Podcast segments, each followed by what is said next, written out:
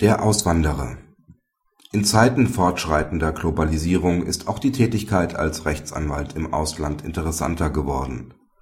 Zwar sind Zahlen für die im Ausland tätigen deutschen Anwälte nicht bekannt, immerhin 220 DAV-Mitglieder im Ausland im Jahr 2007, so die Auskunft des Deutschen Anwaltsvereins, lassen aber vermuten, dass zumindest in international ausgerichteten Anwaltskanzleien deutsche Anwälte keine Seltenheit mehr sind. Ein Exot dürfte aber auch weiterhin Rechtsanwalt Klaus Walden sein, der vor einigen Jahren nach Brasilien ausgewandert ist und dort als Einzelanwalt tätig ist. Herr Walden, warum verschlägt es einen Anwalt aus dem Landgerichtsbezirk Lüneburg in die Metropole Sao Paulo? Durch die Heirat mit einer Brasilianerin kam es zur Umsiedelung nach Brasilien. Gab es Probleme bei Ihrer Anwaltszulassung in Brasilien? Nein, gab es nicht. Die notwendigen deutschen Dokumente der entsprechenden Zulassung mussten ins Portugiesische vom vereidigten Dolmetsch übersetzt werden. Darüber hinaus mussten drei brasilianische Rechtsanwälte Referenzen zu meiner Person abgeben. Der Großraum Sao Paulo gilt als die weltweit größte Konzentration deutscher Industrieunternehmen. Haben Sie auch brasilianische Mandanten? Nein, zurzeit nicht. Die brasilianischen Behörden erkennen nicht ohne weiteres ausländische Diplome an, so dass ich nicht als brasilianischer Anwalt tätig sein kann, sondern lediglich deutsches Recht in beratender Funktion vor Ort anbiete. Es gab bislang nur einen einzigen brasilianischen Mandanten, der eine deutsch-brasilianische Ehe in Deutschland nach deutschem Recht geschieden haben wollte. Trotzdem müssen Sie sich mit dem brasilianischen Recht vertraut gemacht haben. Ja, durch Selbststudium und durch Gespräche mit Freunden und Bekannten, die im brasilianischen Recht vertraut sind. Was sind die größten Unterschiede zum deutschen Recht?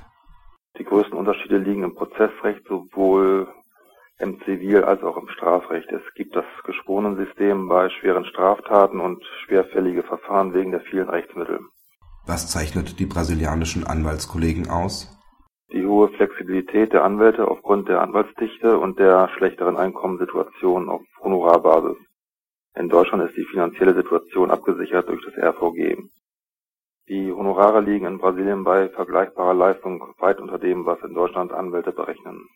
Welche Tipps können Sie Anwälten geben, die ihr Glück im Ausland versuchen wollen?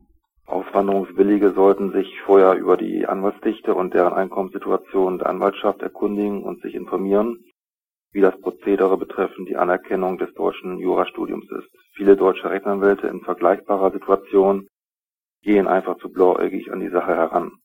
Darüber hinaus sollten sich Auswanderungswillige über das politische und soziale System gründlich informieren, da der Kulturschock sonst immens ist. Würden Sie den Schritt über den großen Teich noch einmal wagen? Ja, würde ich, aber nicht nach Brasilien. Chile käme als einziges demokratisch rechtsstaatlich stabiles Land in Lateinamerika in Frage.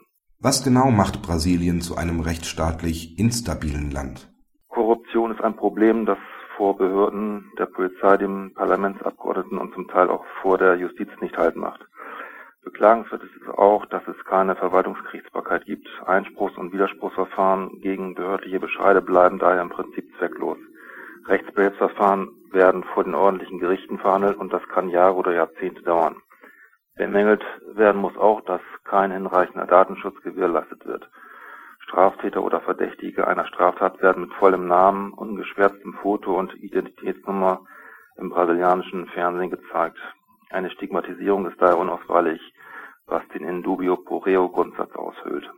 Haben Sie Hoffnung auf Besserungen? Auf lange Sicht habe ich keine Hoffnung, wobei ich sagen muss, dass es regional große Unterschiede geben soll. Nach meinen Feststellungen funktioniert die Justiz recht gut in den südlichen Bundesstaaten Rio Grande do Sul und Santa Catarina. Die großen europäischen Einflussunterlagen in den letzten Jahrhunderten, wie zum Beispiel die Italiener und Deutsche mit Abstrichen auch noch in Paraná, in Sao Paulo schon nicht mehr richtig wegen der Prozessflut. Es gibt zu wenig Richter an den ordentlichen Gerichten, schwerfällige Prozessordnung und schlecht ausgebildetes Justizpersonal kommen hinzu. In den anderen Bundesstaaten funktioniert die Justiz nicht, insbesondere in den nördlichen und nordöstlichen Bundesstaaten, wo Gewalt an der Tagesordnung ist. Beispielsweise in Recife, im Bundesstaat Pernambuco, gibt es statistisch 95,8 Morde auf 100.000 Einwohner, auch seitens der Polizei. Der überwiegende Teil der brasilianischen Bevölkerung hat mangels polizeilicher Kontrolle kein großes Interesse im Alltag, trotz gesetzlicher Vorgaben, eine rechtsstaatliche Ordnung einzuhalten. Vielen Dank für dieses Interview, Herr Rechtsanwalt Walden.